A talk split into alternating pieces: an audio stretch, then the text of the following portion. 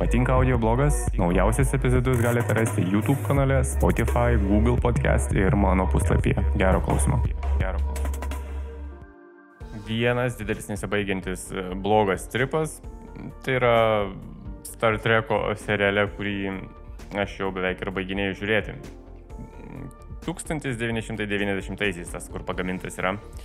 Nes jų yra ten galybė ir aš niekada nebuvau Star Treko fanas, bet Mano labo naktukas yra kažkoks tai serialas turi būti prieš man nulūštant. Tai kokį pusantro mėnesio atgalios aš e, pasirinkau, kadangi nieko nebuvo ką žiūrėti, tai pasirinkau Star Treką.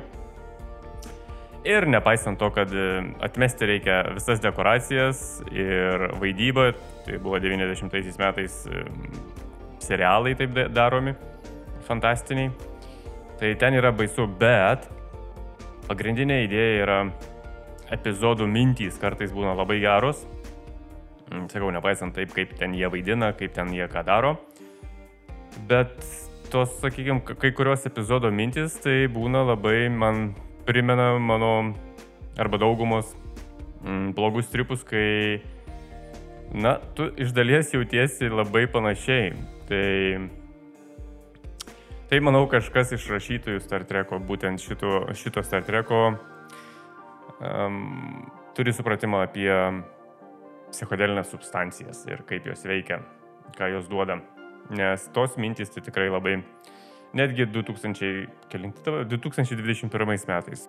O šiaip dabar man yra tinginystės ir apatijos metas. Mm, palyginus, praeitais metais man buvo visiškai kitaip, aš labai aktyviai ten dariau kažką, tai dabar man apsivertė yra ir dabar yra toksai tingulio laikotarpis, labai toksai pasyvus, nieko ypatingo neužsijimu, bet užsijimu, bet nieko ypatingo. Ir šiandien yra ta diena, kai yra šimtinis epizodas, tai yra paskutinis epizodas, kurį aš darau šitame kanale. Bent jau tokia mintis yra kad e, daugiau aš nebedarysiu naujų epizodų, bent jau tikrai kurį laiką. Aš nesakau, kad aš visiškai užaukiu šitą veiklą, bet e, kaip ir minėjau prieš du epizodus, e, kad daugiau epizodų nebedarysiu. Ir tai yra šimtasis ir paskutinis epizodas. Visą šią veiklą užsėmiau gal pusantrų metų, jeigu neklystu. Virš metų. Kažkur tais virš metų, pusantrų metų. Ir kaip ir kiekvienas žmogus mes turime visi turime kažkokius tai lūkesčius ir tikslus. Žinoma, ir aš kaip e, šio kontento kuriejas e, turėjau lūkesčius ir gal, gal esu nekantrus, gal buvau nekantrus ir neišlaukiau, gal norėjau per greit, kad viskas įvyktų. Ir e, aš savo užsibrieštų tikslų nepasiekiau per tam tikro laiko tarpą, todėl prieš kažkiek tais laiko aš nusprendžiau, kad man reikia pristatyti arklius su šituo projektu ir padaryti tam tikrą epizodų skaičių ir žiūrėti, kas per situaciją bus. Jeigu situacija manęs netenkins, tada vadinasi nėra pointo ir visą kitą tęsti. Tai taip ir buvo. Atėjo tam tikras laikas, aš peržiūrėjau savo visus, visas statistikas ir savo lūkesčius ir manęs netenkino, todėl aš nusprendžiau prieš gal kokį trejata mėnesių, kad aš baigiu visą šitą reikalą su laiko tarpais tai pavariau, kaip Butkevičius pasakojo apie ekonomiką, kur ten lyginti negalima, bet reikia palyginti. Whatever. Per visą aktyvų projekto gyvavimą pripasakojau jums labai daug istorijų apie klasikinės psichodelikas ir, tiksliau, klasikinius psichodelikus, psichodelinės substancijas, apie kokias pats esu bandęs, apie savo patirtis, savo kelionių patirtis ir buvo visai įdomių pasakojimų, buvo visiškai nusišnekėjimų. Visą laiko tarpą aš pats mokinausi ir rinkdamas informaciją tam tikriems epizodams aš prieš metus laiko nežinojau tiek, kiek aš e, išmokau ir sužinojau darydamas tuos trumpus epizodus mums visiems. Tai ne tik jūs e, sužinodavot kažką naujo, bet ir aš. Pradžioje man labai įdomus pasirodė šis projektas, bet kaip ir minėjau prieš keletą epizodų atgalios, aš įsivariau pats save į kampą, o iš to kampo ar dobės aš išlipti mm, nesistengiau ir nes nemačiau tikslo. Taip būna, kai pats... čia paradoksas. Visą laiką pasakojau jums ir bandydavau pateikti tą gairę, kad mes patys susikūrėm problemas ir mes patys turime įspręsti. Aš susikūriau pats savo problemą, savo tikslus ir kai susidūriau su tikslų neįvykdymų, arba sakau, ne, nereikia turėti tikslų, aha, aha, ir pats įsikėliau tikslus, juos nepasiekiau ir vat, šiandien esu ten, kur esu, tai lengviausia visada yra mokyti kažką kitą, kai pats susiduri su reikalais, tai mm, nelabai tu juos ir nori tvarkyti, nes arba per sunku, arba tau visiškai neįdomu. Šiuo atveju man visiškai neįdomu. Žodžiu, man nusibodo šis projektas, kitaip tariant. Um, nors prikalbėta daug valandų ir um, buvo idėjų, kad su kažkuo darysiu, bet kažkaip nepaėjo viskas. Kažkaip tais, kažko trūko.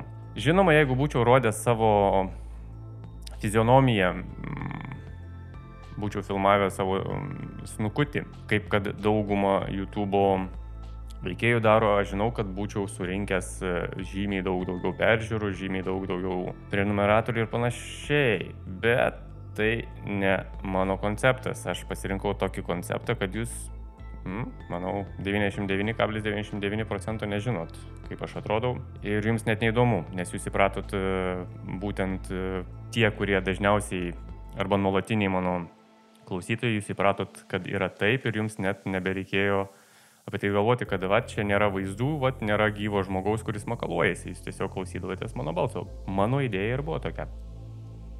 Per visą projekto gyvavimą man išsiugdė įprotis, kad aš turiu kažką papasakoti kažkokiai auditorijai žmonių. Ir jis yra, jis yra išugdytas ir kartais būna, kad vat, noriu kažką papasakoti, bet galvoju, ai čia neverta, nes nesusiję su kažkuo tais.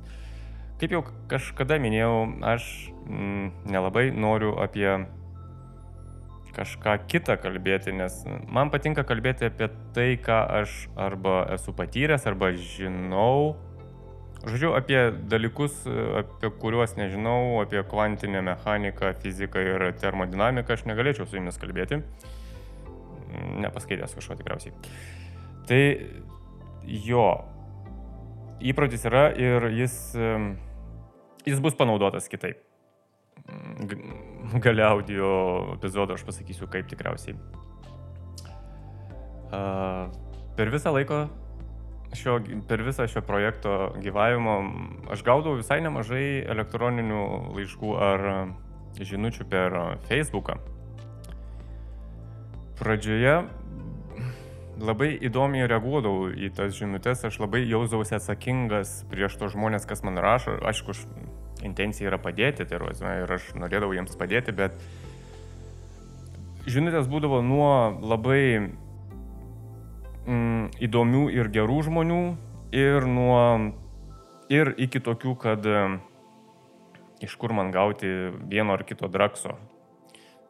Nes pradžioje kažkas gal galvojo, kad mm, jau tai jeigu tu kalbė apie tuos dalykus, tai tu tikrai gali kažkam kažką duoti. Ir aš tiesiog tada atsakydavau, kad nei aš žinau, nei tau reikia tikriausiai šitų dalykų.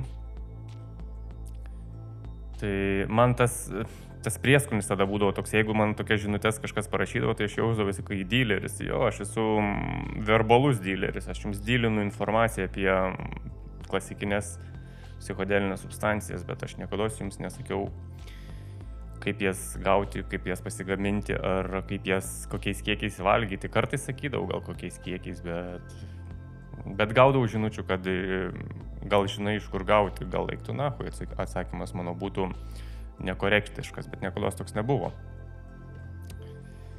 Um, po to, po to žinutės mažėjo, mažėjo ir galutinai aš beveik padariau taip, kad aš jokių žinučių negaučiau.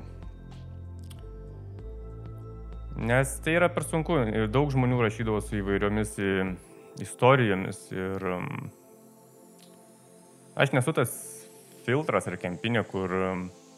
Aš kalbu dabar apie save kaip apie žmogų, aš nesu tas filtras ar kempinė, kuris norėtų sugerti kažkieno kito problemas ir jas vis tiek nešiojasi, perskaitai kažkokią vieną ar kitą istoriją ir jinai nusėda kažkur ta, tavo viduje ir tu po to kurį laiko tarpą galvoji apie tai, kaip čia tam žmogui arba baigėsi arba nesibaigė. Ir todėl galbūt ir taip natūraliai gavosi, kad aš visiškai pradėdavau arba ignoruoti, arba padariau taip, kad iš viso po to niekas man negalėtų su manim niekaip susisiekti.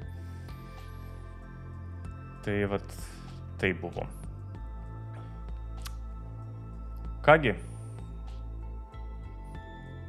Tikriausiai. Tikriausiai viskas.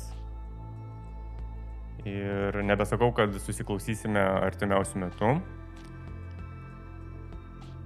Ir